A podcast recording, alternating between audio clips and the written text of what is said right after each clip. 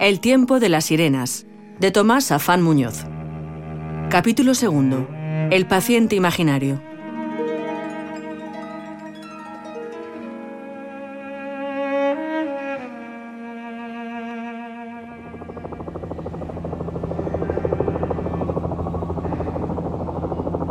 ¿Oyes?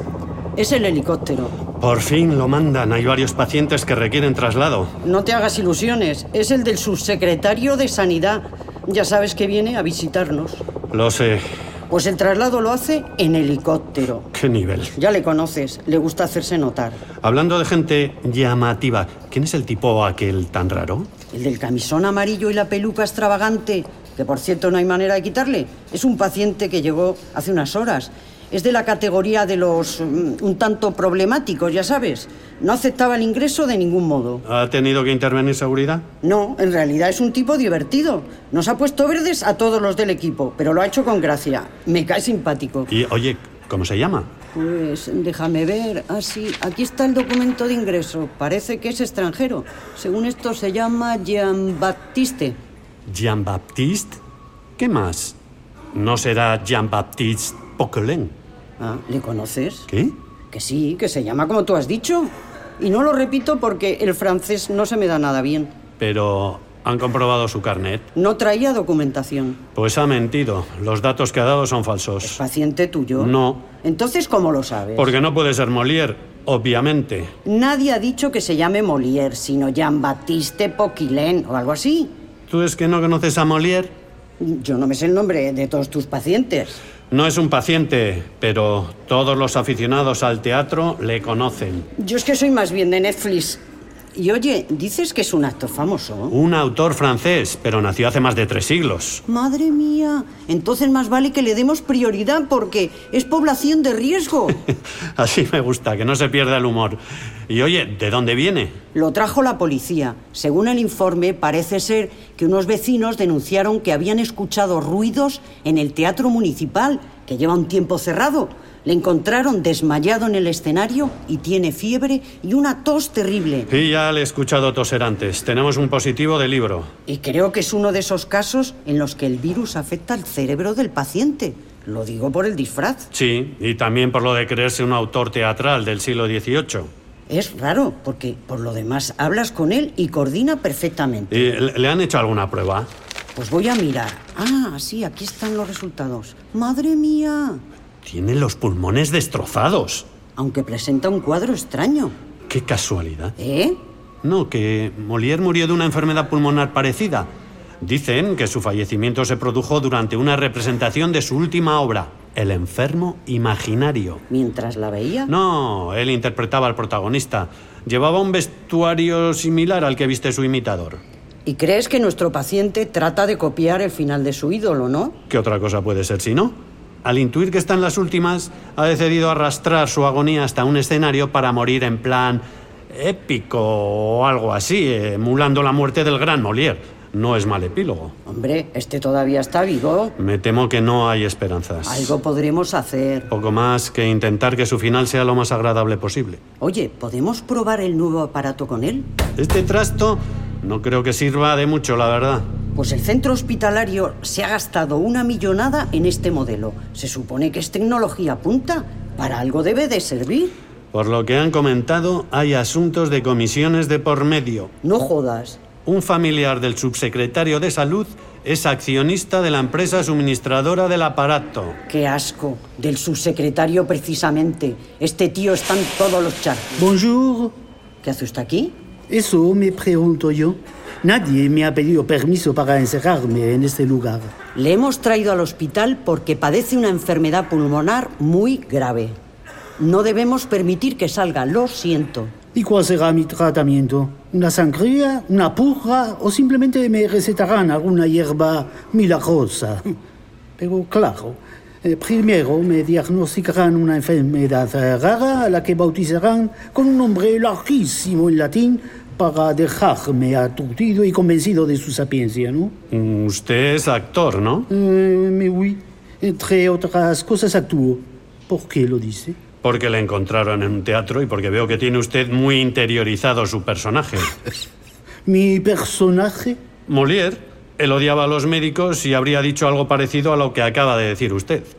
¿Y usted tiene interiorizado su personaje? ¿En qué sentido? Es uno de esos médicos que marean con tecnicismos al paciente mientras espera que la naturaleza siga su curso. No, no soy de ese tipo de médicos. Además, debo decirle que su estado es crítico. No quiero engañarle. Eh, lo sé. Voy a morir.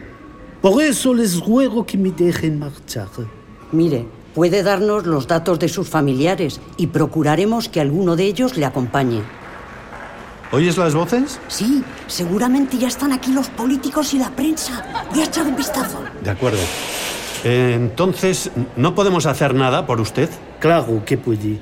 Por favor, necesito llegar al teatro. Deseo que el final me llegue mientras actúo. Es muy importante para mí. Una especie de rito simbólico. Se refiere a la leyenda que dice que Molière falleció en un escenario mientras interpretaba una obra. Por favor, me queda ya poco. Lo noto. No te lo vas a creer. ¿Qué pasa? Vienen todos hacia aquí porque están decididos a hacer un reportaje fotográfico a la flamante nueva adquisición del hospital. Se ve que quieren transmitir la imagen de que están invirtiendo una pasta en nosotros. Pero lo peor es que necesitan verlo funcionar. ¿Qué? Pero si los técnicos no lo han puesto en marcha aún. Lo sé, pero exigen que esté funcionando para las fotos. Eso es imposible. Eh, perdón, Por favor, vuelva a su cama. yo puedo ayudarles. Por lo que he oído, necesitan una pantomima. Yo soy actor, ya saben. Así que, Se lo agradecemos, pero... No calla, déjale hablar. si les parece bien, puedo fingir que estoy siendo tratado mediante esta máquina. A mí no me parece mala idea. Bien, me tumbaré para empezar el espectáculo. Pero en su estado... Voy a avisarles a todos. eh, Sabe que esto no es necesario y por supuesto no es conveniente en su situación. ¿Está usted seguro de que quiere hacerlo? Totalmente. De este modo cumpliré mi último deseo, que no es otro que morir en medio de una farsa, de una representación.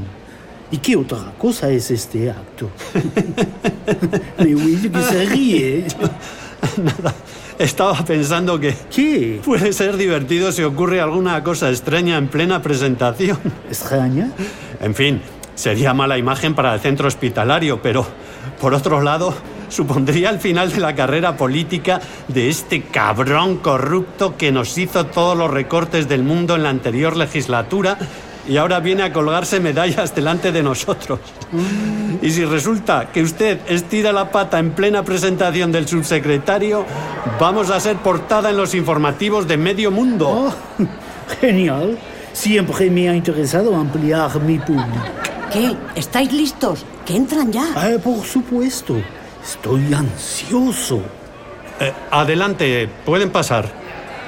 Me encantará volver a encontrarme con mi viejo enemigo, Tartufo. Luces, abran telón.